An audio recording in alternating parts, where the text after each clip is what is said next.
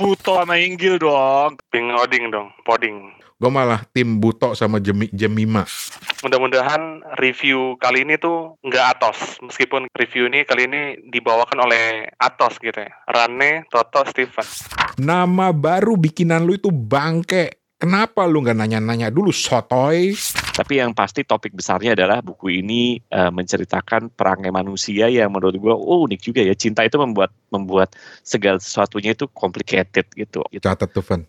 Ini ini gue nggak bermaksud merendahkan sama sekali, tapi buat gue kayak nonton sinetron. Nggak setuju ya, karena soalnya kesannya Bang Rani itu kayak ini kayak sinetron SCTV gitu ya. gitu ya.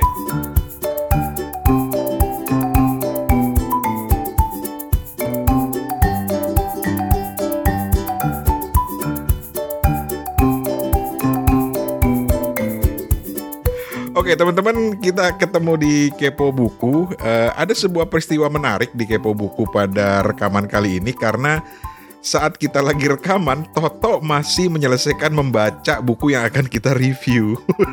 gue lagi baca udah rekaman aja. Lu terusin aja ngobrol berdua. Iya. Gue udah di bab 34 nih, buku ketiga nih. Lu terusin aja ntar gue jelutuk sedikit-dikit. Udah gue ambil baca. Lu di bab berapa sekarang? 34. Eh, emang emang ada berapa bab sih? Buku 33 itu ada 66 bab. Jadi gue Buset masih... jauh banget toh. iya, sebesar. Ya udah, jadi jadi kita harus baca. nungguin nungguin lu baca 30 bab lagi anjir kurang gak ajar bener nih orang nih. Gak usah gak usah nungguin, gak usah nungguin. Oke. Okay. Ngobrol aja sampai gue selesai baca. Ya udah, gue ngobrol sama. Apa perlu di gue bab tiga, kita gak usah rekaman eh, rekamannya adalah gue bacain dari bab 34 sampai 66 gue gue suarain ya.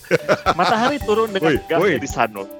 ah? Itu audiobook. Gak boleh, kita gak punya Gak boleh, enak aja lu mau. Walaupun menurut gue ya, buku yang mau kita review ini kalau dijadiin audiobook keren banget. Tapi oke okay lah, lu, lu sana baca dulu, baca dulu. Gue mau ngobrol sama Steven dulu bentar. Van? Iya. Apa kabar, Van? Steven sehat. Steve, Steve, Steven udah kelar buku ketiga katanya keren banget. Tapi buku gitu. satu dua belum jajan. Balik. Jangan gitu dong.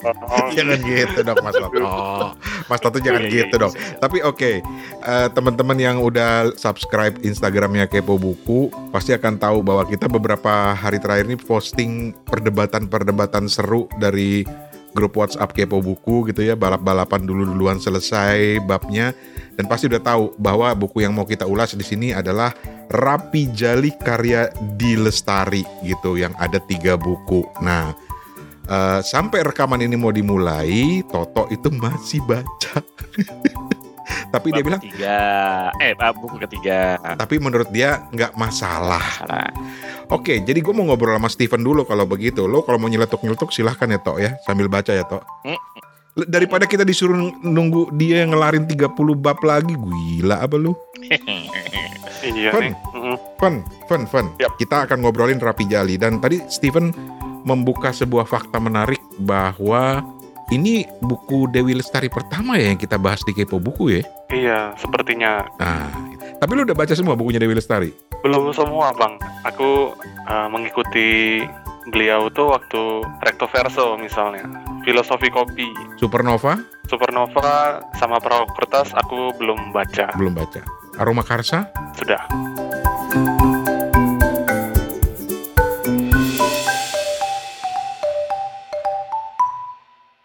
Oke.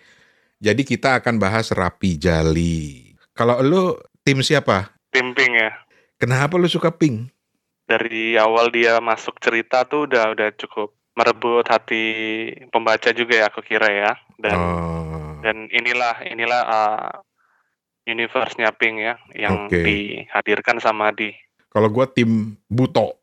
Gua fans beratnya Buto. Kalau lu toh? Gua lagi baca lu tanya. oh kalau gue fans gue gue ngefans banget sama Inggil. Inggil, oke. Okay. Inggil tuh cewek apa cowok toh? Ah itu dia. Perlu dibahas sekarang apa besok? Apa setelah gue kelar bab ini? Bab uh, mungkin dua minggu lagi lah ya sampai uh, sampai lu paham bener itu cewek apa cowok gitu. Tapi kan uh, ada kisah cinta. Ntar kita ceritain ya buat teman-teman yang belum baca kita akan ceritain sedikit tentang apa sih Rapi Jali. Tapi uh, ini kan ada kisah percintaannya juga kan, ada unsur percintaannya. Nah, di situ Bukan kemudian ada baca. Jangan-jangan ini memang tentang percintaan ketimbang tentang yang lainnya. Nah, hmm. tapi di situ kemudian uh, banyak pembaca Rapi Jali juga yang bilang, oh gue tim Pink Ardi, oh enggak, gue Pink Oding.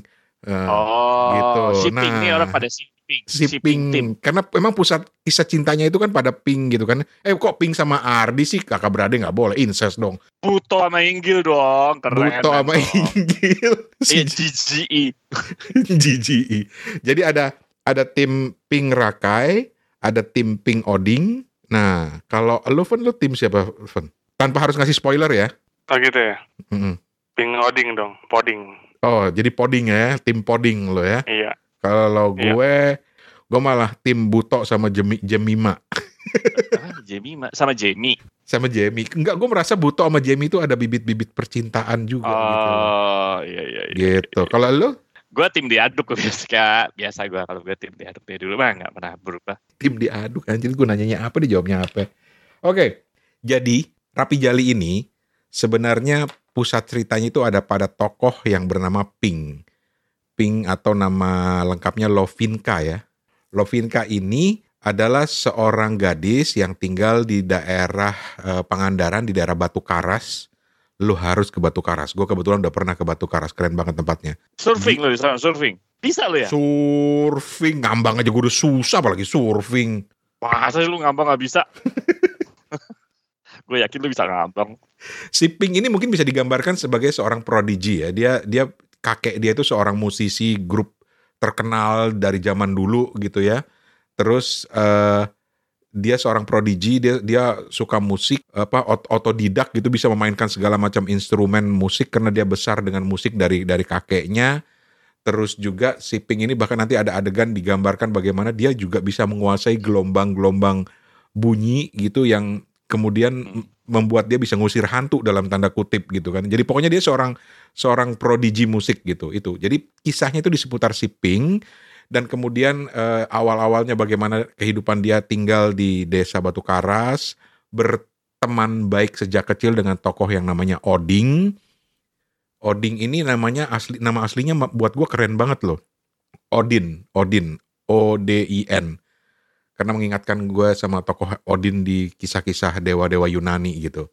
Nah, tapi kemudian e, nasib membawa si Pink pergi ke kota, ke kota kemudian dia disekolahkan di sebuah sekolah elit, berkenalan dengan beberapa teman lainnya, kemudian membentuk band dan dari situ ceritanya berlanjut gitu. Nah, kenapa dia bisa ke kota? Karena ternyata si Pink ini anak dari seorang yang tengah mencalonkan diri jadi gubernur di Jakarta. Eh, gubernur ya?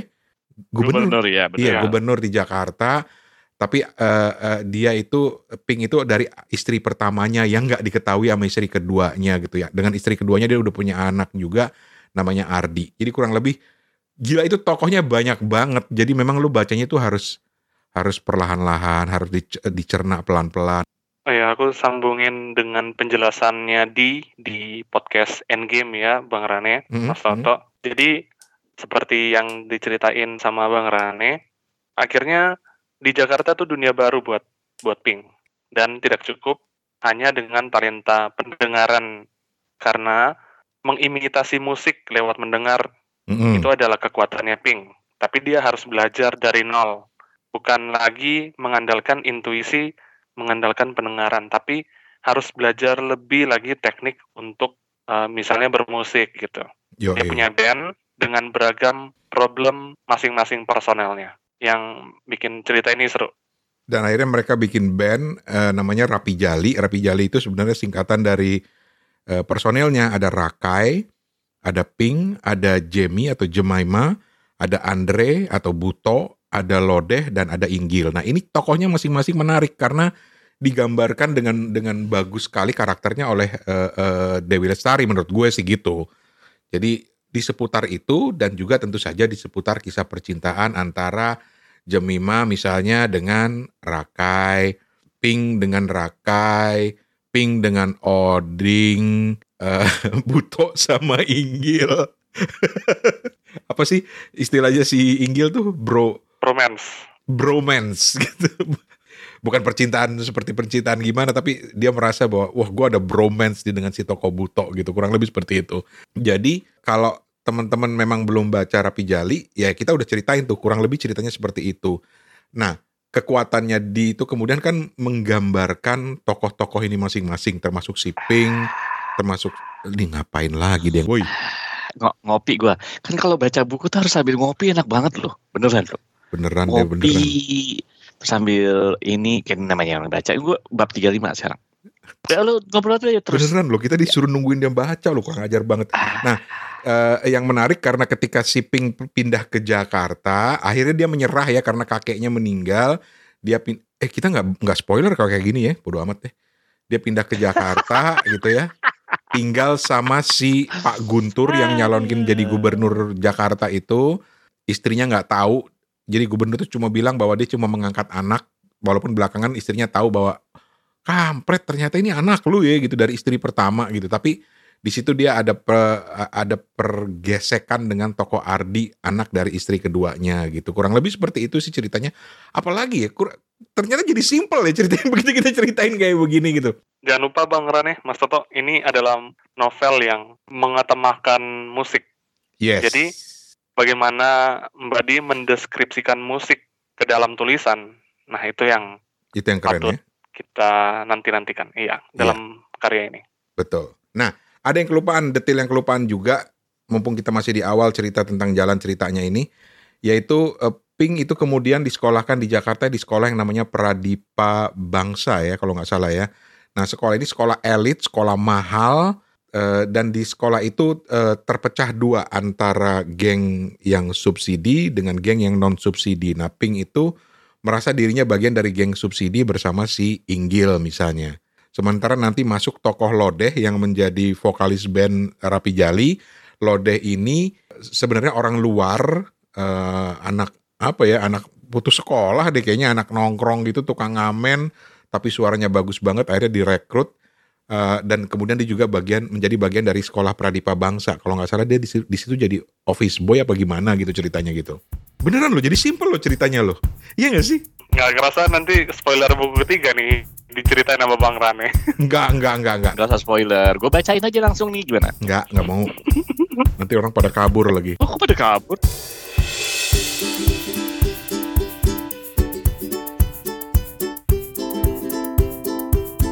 Juga ya ternyata ya rekaman kayak gini ya gue baru ngerasain magabut yang sebenarnya tuh begini loh Saya. rekaman lu pada berdua pada nyerocos gue sambil baca buku menyenangkan ya emang kurang ajar lo orang udah harus selesai dia belum selesai aduh nyeruput kopi dulu sekarang sekarang kita masuk ke bagian kesan-kesan dari masih woi dia ngopi kesan-kesan dari uh, masing-masing host kepo buku lah terhadap buku ini. Tadi kita udah ceritain jalan ceritanya kurang lebih ya. Iya. Seperti itu kurang lebih. Jadi kalau lu nanya ini buku tentang apa? Kita udah ceritain tuh di 15 menit pertama, nggak usah protes. Fun, lo duluan Fun. Mm. Toto mungkin tahun depan. Boleh, boleh. Membaca Ripi Jali itu uh, kayak sebuah perjalanan yang mengasihkan gitu ya. Well, mungkin ada komentar dari Bang Rane apa Mas Toto. Tapi mudah-mudahan review kali ini tuh nggak Atos. Meskipun review ini kali ini dibawakan oleh Atos gitu ya. Rane Toto Steven gue pikir apaan? Ah ini ketularan Inggil nih orang ketularan Inggil loh. Terus terus terus terus terus terus terus. Buat aku dari buku pertama itu kayak perkenalan memang. Kayak hmm. semacam pembukaan yang hangat gitu ya. Buku kedua seperti menu pembuka tapi masih belum terlalu greget. Nah, di buku ketiga itu lebih greget lagi gitu. Oke. Okay. Dan kenapa itu mengasihkan? Salah satunya ya kayak menikmati aja gitu. Gimana drama sekolahan, anak sekolahan ya. Gimana hmm. drama percintaan tuh di dideskripsikan dengan waduh sejuta warna gitu ya di di novel ini gitu ya. Uh-huh. Dan terakhir mungkin um, ketika mereka bermain musik, ketika mereka manggung, ketika mereka bikin lagu itu benar-benar sesuatu yang baru gitu ya. Hmm. Mungkin buat aku dan para pembaca lainnya gitu. Jadi kita bisa ngerasain gimana dari awal seorang bintang tuh lahir gitu ya, Bang Rane, Mas Toto. Hmm. Bagaimana seorang artis tuh membangun karirnya di belantika musik gitu. Mulai dari mungkin dia seorang pengamen gitu, yang hmm. ditemukan oleh uh, orang yang lagi makan di sekelilingnya dan hmm. dari situ berlanjut ketemu dengan kawan-kawan seperjuangan ngebandnya gitu dan dia bisa jadi superstar, bisa jadi bintang industri musik di Indonesia. Kayak ada banyak banget kan yang juga lahir dari kompetisi pertunjukan musik gitu ya. Iya. Ajang dan, bakat gitu ya. Iya, ada ajang pencarian bakat model uh, uh, uh, Indonesian Idol. Cuma kan di situ ajang pencarian bakatnya itu di TVRI. Itu yang gua, yang menarik buat gue pertama kali ketika, oh kok di TVRI gitu. Tapi ya ya ya mungkin konteksnya begitulah iya. ya. Apa bedanya buku 1, 2, dan 3? Karena ini kan ada tiga buku. Dan bukunya itu ketebalannya berbeda-beda loh. Buku satu itu 350 halaman. Buku yang kedua itu 477 halaman. Dan buku yang ketiga itu 745 halaman. Menurut lo apa sih bedanya buku 1, 2, dan 3 ini?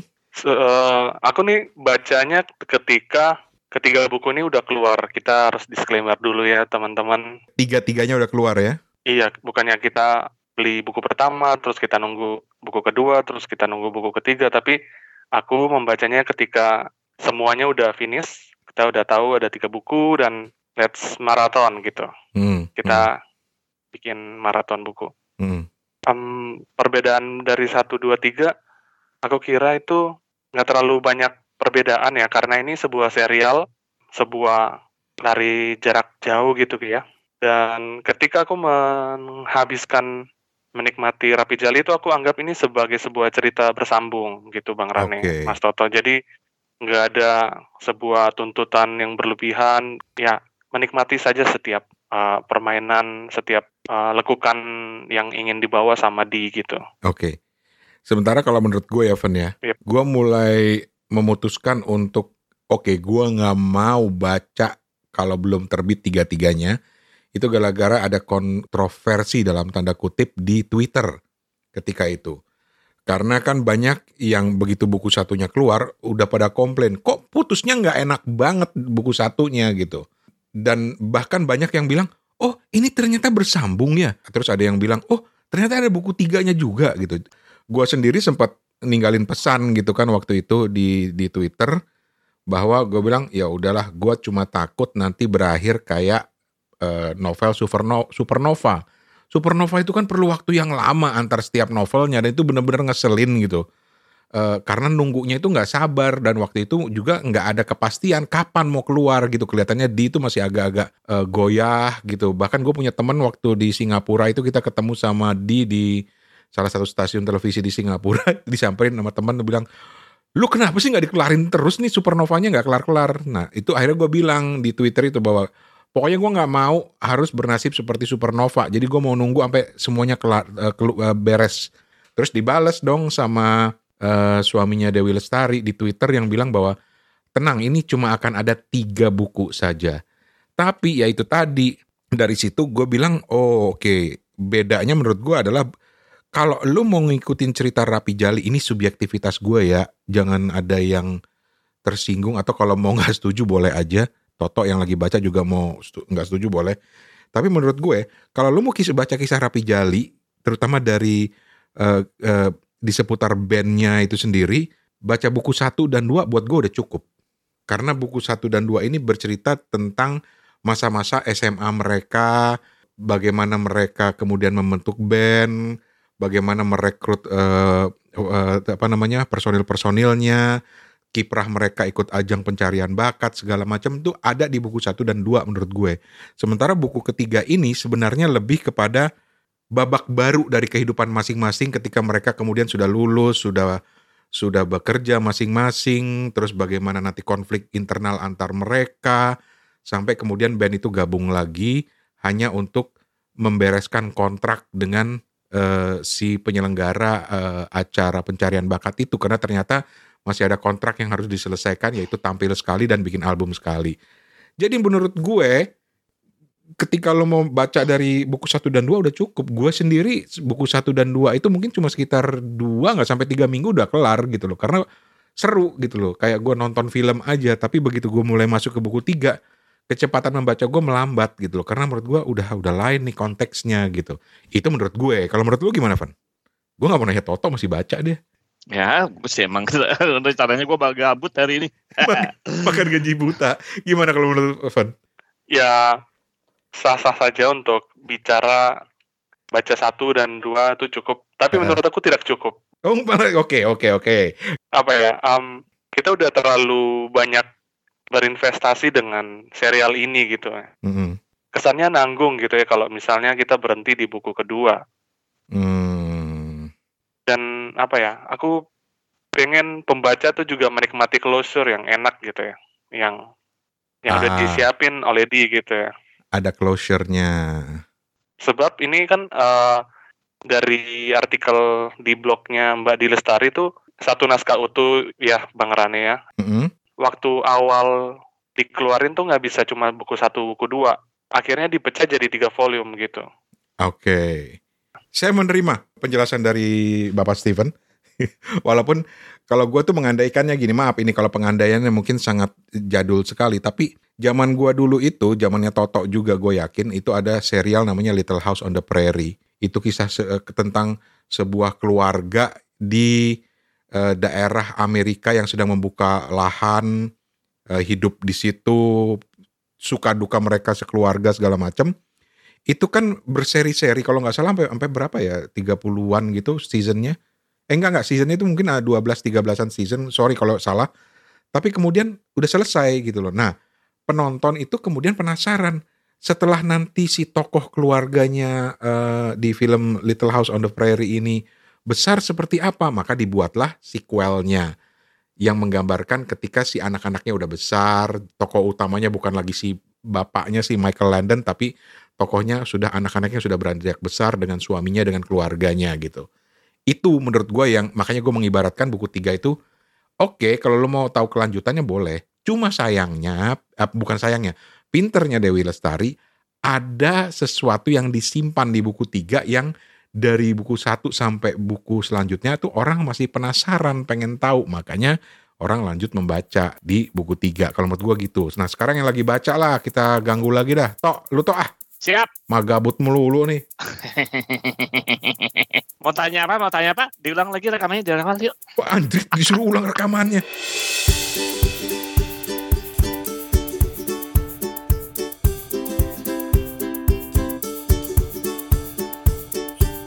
Jadi kalau ngomong uh, buku ini sebenarnya gue cuma bilang buku tuh buku ini tuh sebenarnya entertaining banget gitu. Jadi kalau buat teman-teman gue uh, gue harus berkata jujur kalau buat teman-teman yang ingin mendapatkan apa ya uh, membaca cerita yang agak dalam gitu misalnya mungkin gitu ya hmm. uh, mungkin uh, teman-teman nggak dapetin tapi buku ini jelas yang pasti menghibur gitu hmm. nah mungkin kalau gue pertama kali baca buku ini uh, yang jilid pertama atau buku pertama ya nggak bisa dibilang jilid pertama buku pertama adalah wah ini kayak buku seru nih karena dibuka dari misalnya pertemuan Guntur bapaknya Pink gitu ya yang lagi anget-angetnya uh, uh, menyiapkan uh, pilkada gitu eh ketemu Yuda kakeknya Pink gitu dan hmm. wah ini seru nih kayaknya ceritanya nih bakal politik yang ketemu ketemu sama uh, siapa kakek anaknya sendiri yang udah hmm. lama nggak nggak ini gitu kan ya.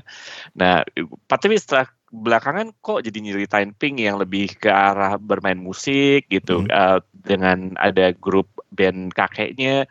Kemudian akhirnya Pink yang akhirnya ke sekolah. Juga Pink ke sekolah pun akhirnya jadi cerita ada Inggil masuk ke sana. Jadi kayak ini ceritanya anak-anak sekolahan. Jadi gue sekilas jadi gue inget Dilan gitu kan. Walaupun hmm, tidak hmm, se hmm, CC Dilan misalnya kayak gitu. Hmm. Nah itu buku pertama, kemudian nanti ada konflik keluarga kayak gitu-gitu. Dan buku pertama itu sebenarnya kalau menurut gue uh, pembuka aja gitu, pembuka. Cerita itu belum tuntas di buku pertama gitu. Jadi, iya kan gantung uh, kan? Nggak gantung gitu. Hmm. Jadi mau ngomongin band yang nggak tuntas, mau ngomongin Pinknya mau ke mana nggak tuntas, mau ngomongin konflik uh, Nita dan Guntur juga nggak tuntas. Baru di buku kedua semuanya dituntaskan kalau menurut gue. Hmm. Uh, konflik keluarganya berakhir dari mana, keluarga uh, band Rapi Jali itu seperti apa gitu nantinya gitu itu buku dua dituntaskan.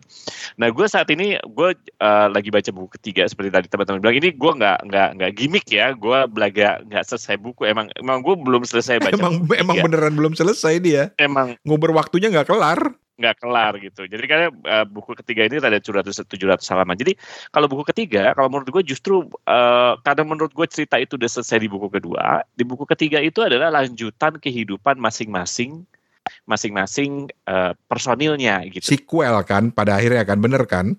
Uh, iya, tapi bukan sequel pun. Jadi ini kalau dari awal kalau teman-teman lihat uh, kalau lu ditanya gitu ya, hmm. uh, cerita ini cerita tentang siapa? Tentang Pink. Ya oke okay lah, Pink mungkin mendominasi cerita. Tapi apakah cerita tentang Pink? Enggak. Dia menceritakan Rakai dan Jamie. Dia menceritakan uh, Inggil juga. Dia menceritakan percintaannya uh, uh, siapa uh, Oding juga gitu ya ada hmm, sisi hmm. Oding yang diceritakan hmm. yang tidak selalu bersinggungan dengan dengan Pink sebenarnya kayak gitu.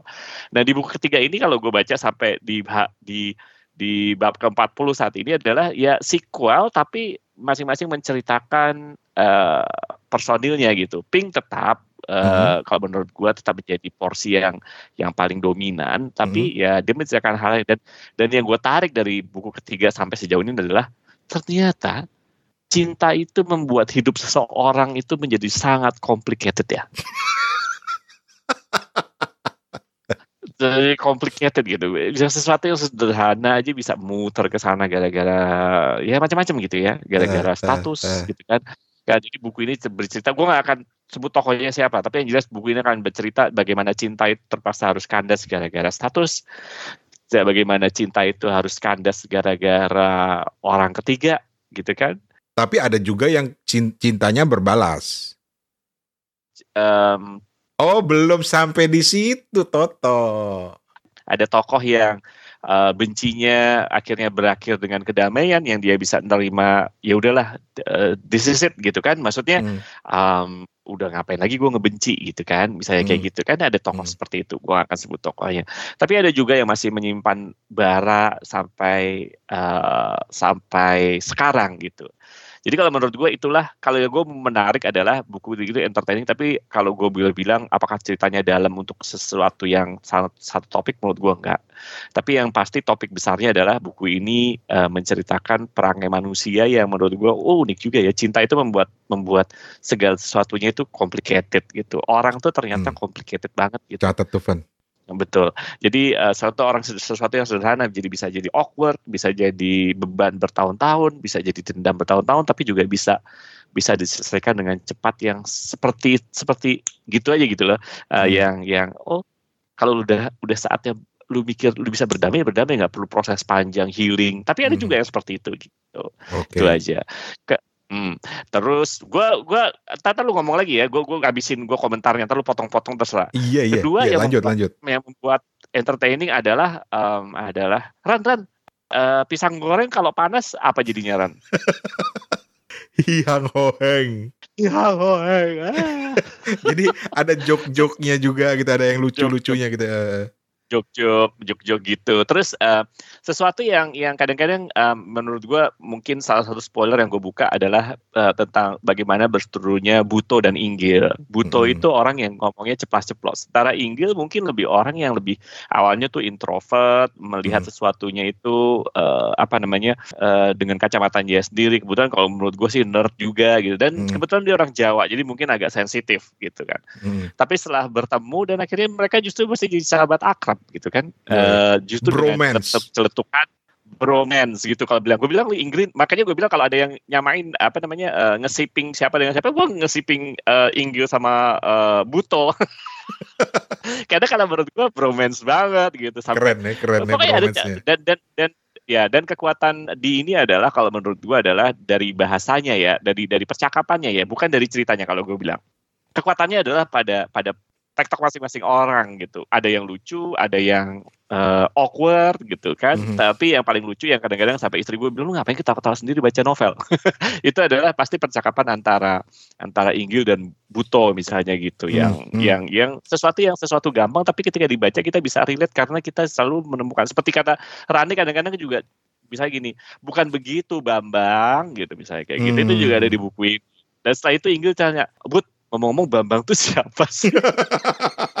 oh iya iya betul betul. Terus misalnya, misalnya ada, ya makanya gue bilang kangen-kangenan gitu. Terus ya, iya kangen gue malu but, iya kangen. Yuk, yuk kita pacaran yuk, GGI gitu. Jadi gue bisa bisa menerima ya, gitu gitu. Kalau yang menyebabkan gue akhirnya Oke okay lah, gue lanjut ke buku ketiga, bukan dari segi ceritanya, mungkin karena pertama hiburannya, entertainingnya, kedua ya, oh ternyata menarik juga ya melihat tingkah laku orang itu bisa jadi sangat complicated pada hal-hal yang sederhana, gitu.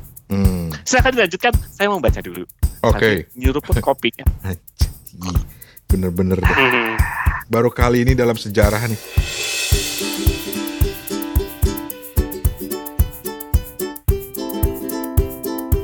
Oke, sekarang kita masuk ke bagian berikutnya nih ya. Uh, kalau Toto tadi kan bilang bahwa sebenarnya bukan dari ceritanya. Ceritanya sih nggak nggak nggak nggak terlalu sih, tapi pada bagaimana si Dewi Lestari ini mengembangkan karakter-karakternya gitu ya.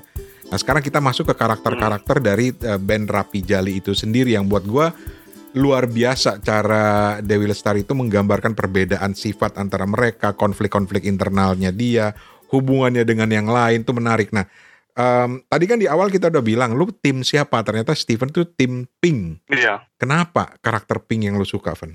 Hmm.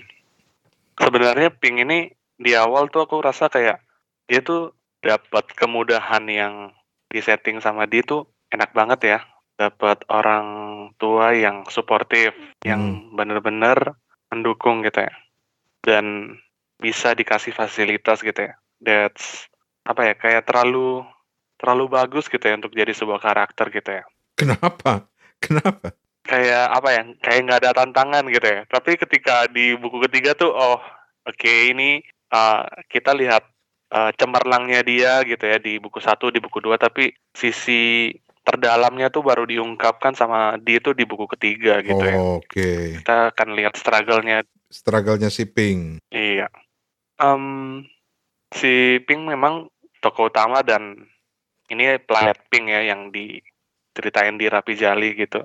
Mimpi ide di 27 tahun lalu gitu yang akhirnya nyata gitu ya dari tiga buku yang bisa kita pegang masing-masing gitu ya, yang teman-teman bisa miliki dan baca gitu. Mm-hmm. Pink itu kayak apa ya? Kayak karakter yang jujur ketika dia merasa sendiri ya kadang-kadang dia nggak bisa mengungkapkan gitu ya. Tapi keadaan dan apa pun tuh selalu bisa dia jalanin gitu ya. Itu hebatnya Pink buat aku.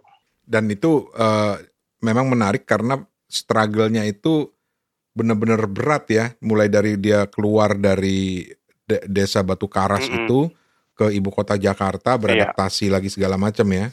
Iya. Aku jadi ingat itu loh kayak drama bawang putih bawang merah loh Bang Rane. di, di buku buku buku satu tuh. Uh -huh gini banget gitu ya. Uh, si penulis bikin dramanya Pink di buku satu gitu ya. Mm-hmm. Dan apa ya? Di ini juga berkarya dalam karya gitu. Jadi ketika dia bikin buku ini, dia juga harus bikin soundtrack lagunya. Dia mm-hmm. bikin lagunya, dia bikin album dan bisa kita nikmati di Spotify misalnya. Nah, Lu udah satu... lagu-lagunya belum Ran? Uh, gua gua baca novelnya sambil dengerin lagunya. Itu keren banget sih, itu keren banget acung jempol buat buat buat Dewi Lestari buat itu. Karena jadi lebih berwarna gitu loh e, ceritanya. Tapi yang yang gue menarik adalah karena kita kan tahu bahwa eh, eh gue nggak bukan bukan tahu ya gue nggak tahu lu tahu apa tahu apa enggak. Tapi ini kan sebenarnya naskahnya udah lama banget disiapin sama Dewi Lestari. Judul aslinya kan Planet Pink gitu. Mm-hmm. dan lu tahu dong latar belakangnya Dewi Lestari itu kurang lebih dia dari generasi angkatan apa itu ketahuan gitu loh. Walaupun kemudian dia dia bilang dia membuat novel Pink ini kemudian dia dia ambil lagi dia remake lagi sesuai dengan masa kini gitu. Tapi banyak hal di zaman zaman dia itu nggak bisa dilepasin gitu loh. Kayak misalnya di band Rapi Jali itu kan di sekolah Pradipa Bangsa tempat ruangan mereka bermain atau latihan itu namanya music room sama Dewi Lestari disingkat Musro itu anak-anak Jakarta tahun-tahun Dewi Lestari tahu apa itu musro gitu Tahu tuh musro itu apa gitu iya, ya. Itu tempat yang penuh laknat. gue gak bilang lah ya, gue gak bilang lah ya. Enggak karena karena gue dulu cerita sama temen gue, eh kita diajak ke Musro nih mau nyari dana buat uh, angkatan gue kuliah dulu. Terus bokapnya temen gue bilang itu tempat laknat ngapain kamu ke sana? Sadis Itu. Terus cara dia menamakan Rapi Jali. Rapi Jali itu kan sebenarnya istilah dari zaman-zaman kita dulu, toh. Anak-anak sekarang ketika disebut Rapi Jali buat mereka mereka langsung bilang, "Oh, itu Rapi Jali novelnya Dewi Lestari." Tapi Rapi Jali itu kan istilah sebetulnya. Iya kan? Dari zaman-zaman dulu hmm. untuk menggambarkan sesuatu yang hmm. yang rapi, rapi, rapi banget. Uh -uh. Lu rapi jali banget tuh, rapi banget gitu loh. Tapi dengan pinternya sama Dewi Lestari di twist jadi nama singkatan anggotanya Rakai, Pink, Jemaima, Andre, Lodeh dan Inggil gitu. Satu hal lagi, nah ini gua nggak tahu nih buat yang anak-anak zaman gua dulu suka main gitar, pilihan-pilihan lagu misalnya yang dimainkan oleh bandnya Yuda Alexander, kakeknya Pink itu ketahuan banget deh angkatannya. Tapi ada sesuatu yang bikin gue nyengir-nyengir sendiri. Gue nggak tahu lu masih inget nggak uh, Tok dengan lagu Spanish Romance? Enggak. Spanish Romance itu sebetulnya gitar. Kenapa? Permainan apa main gitar yang yang dulu lagu itu ngetop karena diputer di televisi waktu lagi Piala Dunia di Spanyol. Hmm. Dan akibatnya anak-anak zaman gua dulu selalu pengen bisa main gitar bawain Spanish Romance yang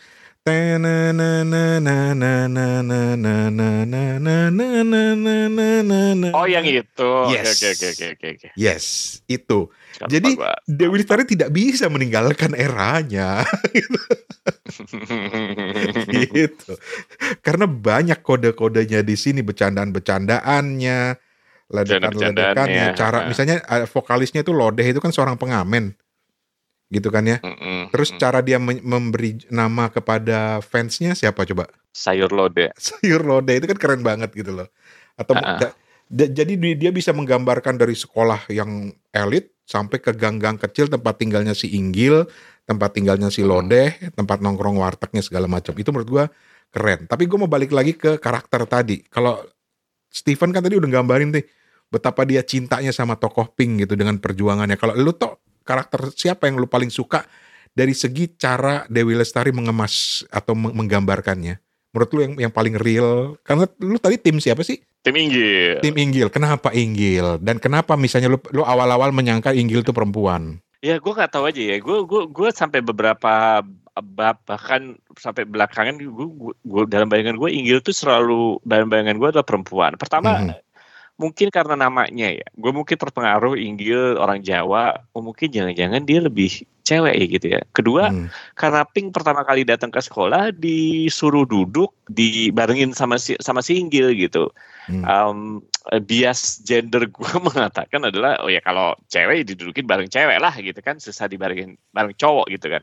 Dan setelah itu gue lihat sepertinya kata-katanya Inggil kok judesnya kayak judes cewek gitu. Udah gak maksud gue awal-awal gitu. Oke oke okay, okay.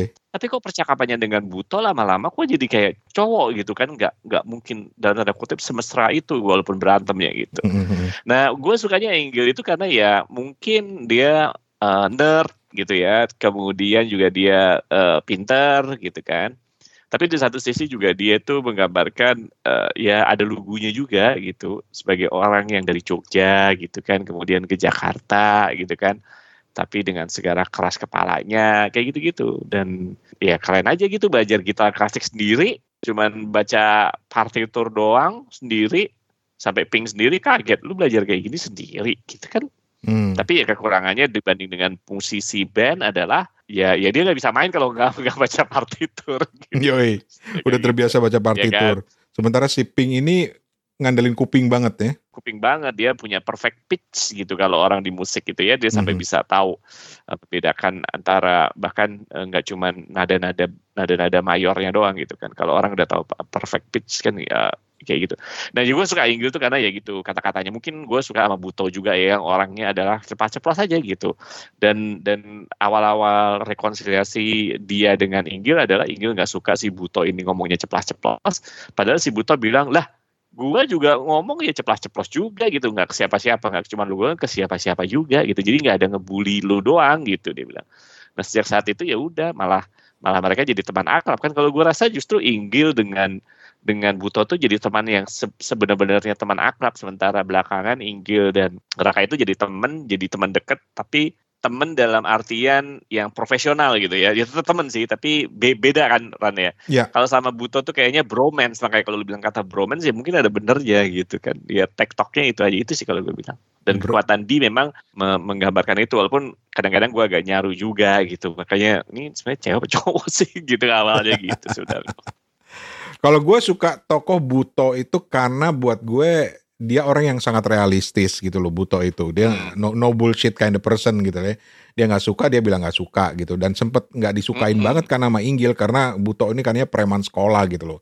Eh, dia jujur tapi juga dia sangat setia kawan dia bisa menyatukan teman-temannya. Dan yang gue suka dari Buto adalah unsur humornya yang garing yang gue suka. Makanya tadi kan Ah benar benar benar. Ada satu misalnya ya itu tadi Toto nyebutin itu gue sempat bikin itu eh, di di Instagram gue dikomentarin sama di dia bilang wah Buto akan bangga melihat ini katanya karena waktu itu di Instagram gue bacain joke garingnya Buto yang bilang eh, apa pisang goreng kalau panas jadi apa gitu kan Siapa jadi Hang Hoeng? jadi hiang hoeng gitu itu gue bikin di Instagram gue terus betul betul.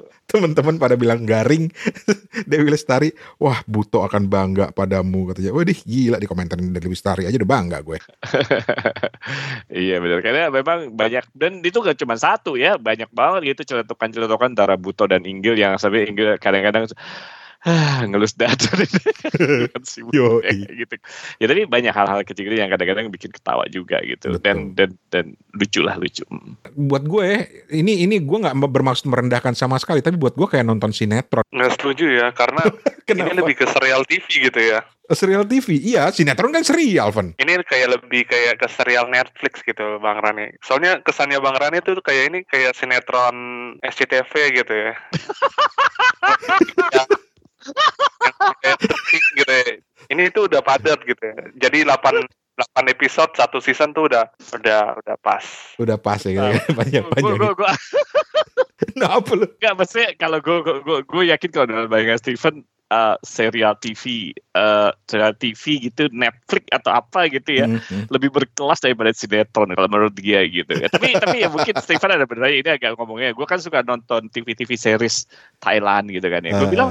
Ih gila ya series Thailand tuh fix banget itu ya. Kalau dia bilang ini 12 episode, 12 episode dan dan udah gitu. Walaupun fansnya pada bilang, wah terusin nonton, enggak enggak enggak jadi di dipanjang-panjangin gitu ntar anaknya hilang terus ketemu lagi eh hilang lagi gitu misalnya kayak gitu kan Hmm. kayak gitu bener nggak maksud gue jadi ya, ceritanya ya.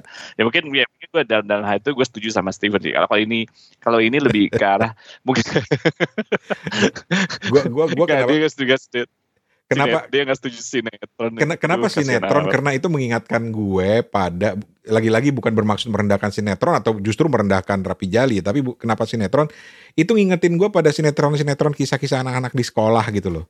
Bagaimana pergaulan Hmm. antara tokoh ini, ada gengnya di sini dalam hal ini gengnya Rapi Jali, konflik antara mereka itu keren banget. Karakter yang gue suka itu karena setiap anggota band Rapi Jali itu karakternya itu menonjol, kuat banget gitu loh Mm, mm, mm. entah itu si Rakai yang cenderung pendiam gitu yang yang juga suka musik Pink yang kita tahu tokoh utamanya Jemima yang yang cantik anak orang kaya pengusaha kaya gitu tapi juga diam-diam dia menyukai eh, salah satu tokoh di situ ya kita sebut aja Rakai lah ya karena bukan spoiler juga Hmm. gitu kan Mm, mm. Eh, at- eh, dan kemudian di Rapi Jali dia kayak jadi cuma pelengkap doang karena dia cantik gitu. Tapi bagaimana si Je- Jemima, si Jamie kan eh, tadinya kan dia kebagian Ya, peran penting kan dia jadi vokalis kan tadinya kan. Tapi begitu Lodeh masuk di Rapi di Jalinya. Jali. Mm-mm. di rapi jalinya memang dia memang digambarkan sebagai gue gak bisa apa-apa gitu kan ini misalnya Iya, gitu. iya. Cuman cuman bukan berarti dia mempunyai peran kecil yang diceritakan di Enggak. cerita Rapi Jali ini. Enggak, karena dia punya konfliknya sendiri yang menurut gue Betul, juga menarik. gitu. Betul. Si Andre atau Buto misalnya juga karakternya Lodeh, Inggil. Buat gue itu Mm. pinter banget gitu loh dia mengemas itu sehingga lu selalu pengen tahu ceritanya si ini gimana si ini gimana nanti dari sini nih ya diskusi terakhir kita nih eh nanti kita akan singgung sedikit terakhir nanti soal bab tiganya ya karena bab tiga ini kan udah sebetulnya buat gue lain ceritanya tapi gue mau Tiga, ya. cerita gue mau kasih gambaran sedikit lah tentang gaya tulisannya Dewi Lestari buat yang belum baca dan itu gue suka banget ini adegan yang gue suka banget yaitu ketika si Inggil itu akhirnya kejebak dan dia harus ke panitia lomba musik itu untuk mendaftarkan band mereka dan waktu itu mereka belum ada nama. Oh iya, iya gitu. iya itu itu itu. Iya kan? Bel belum ada nama sama sekali dan si si si Inggil ini kan di diledekin ya dulu di sekolah di kalangan teman-teman kartun kan dibilangin dipanggilnya kartun. Hmm, kartun. Karena kaku banget gitu, nerd banget nah.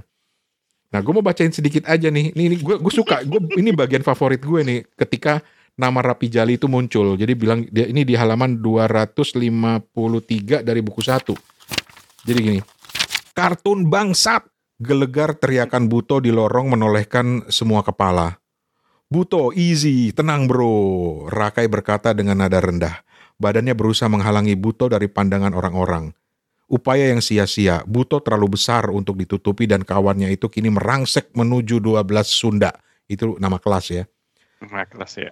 Inggil baru saja menyimpan tas di loker ketika melihat Buto melangkah besar-besar dengan mata terbeliak ke arahnya. Inggil segera tahu perkara apa yang membawa raksasa itu datang. Jadi Buto itu digambarkan memang besar seperti Buto gitu. Hmm. Walaupun nama Inggil diledekin Buto itu jadi butthole gitu kan, bercandaannya hmm. mereka kan. Terus dari celah pintu kelas yang setengah terbuka, Ping melihat kedatangan Rakai dan Buto. Ia segera keluar. Gua nggak mau tahu, lu balik sana ke panitia, lu ganti itu nama, terserah gimana caranya. Gua nggak sudi ngeband pakai nama busuk begitu. Buto bersumpah serapah sambil menunjuk-nunjuk muka Inggil. Hmm. Kalian gak ada yang setuju pakai nama-nama sebelumnya. Kalau aku pilih dari daftar itu, kalian pasti ngamuk juga. Jadi aku harus mikir yang baru. Saat itu juga petugasnya nggak mau nunggu. Inggil membela diri. Terus si Buto, nah ini ini yang gue suka dari Buto hmm. karena dia ngomongnya ceplas-ceplos apa adanya. Dia bilang gini, nama baru bikinan lu itu bangke. Kenapa lu nggak nanya-nanya dulu sotoy? Balas Buto. Terus dia bilang, aku sudah telepon Rakai nggak masuk-masuk kata Inggil. Gue di rumah sakit, HP gue silent, sorry selah Rakai. Uh, telepon bertubi-tubi dari Inggil masuk tepat ketika ia berada di ruang tunggu radiologi. Di sana Rakai harus membisukan dering ponselnya. Terus gue cepetin aja ya. Ketika muncul nama Rapi Jali. Uh, memangnya nama band kita apa? Tanya Pink. Ketiganya terdiam. Dengan sebal, Buto menudingkan mukanya kepada Inggil, menyuruhnya bicara. Rapi Jali, jawab Inggil pelan.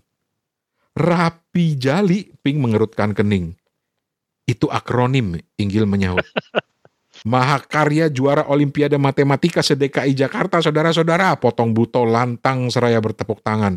Nama band ekuivalen dengan nama tempat pangkas rambut. Wow, luar biasa. itu itu kan gue suka banget itu memang Rapi Jali. Iya bahkan dulu banyak ada kan tukang cukur namanya Rapi Jali karena memang menggambarkan rapi banget gitu. Terus Rakai Ping Jemi Andre Lodeh Inggil kata Ping sambil manggut-manggut. Bentar, jadi Rapi Jali itu singkatan, tanya Rakai. Akronim, Inggil mengoreksi. Makanya penulisannya digabung bukan dipisah. So, saut Buto nggak sabar. Nggak berarti gara-gara akronim apalah itu kita jadi baik-baik aja sama nama enggak yang yang enggak banget itu. Buto bahkan tak sudi untuk menyebutnya. Mm -mm.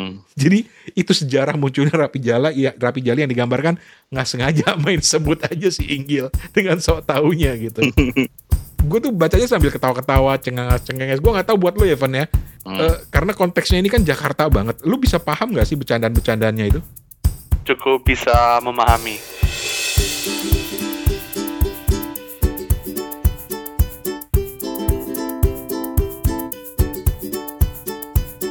Oke, okay, paling akhir, Van, buat teman-teman yang mau baca Rapi Jali, Van, lo mau cerita apa ke mereka?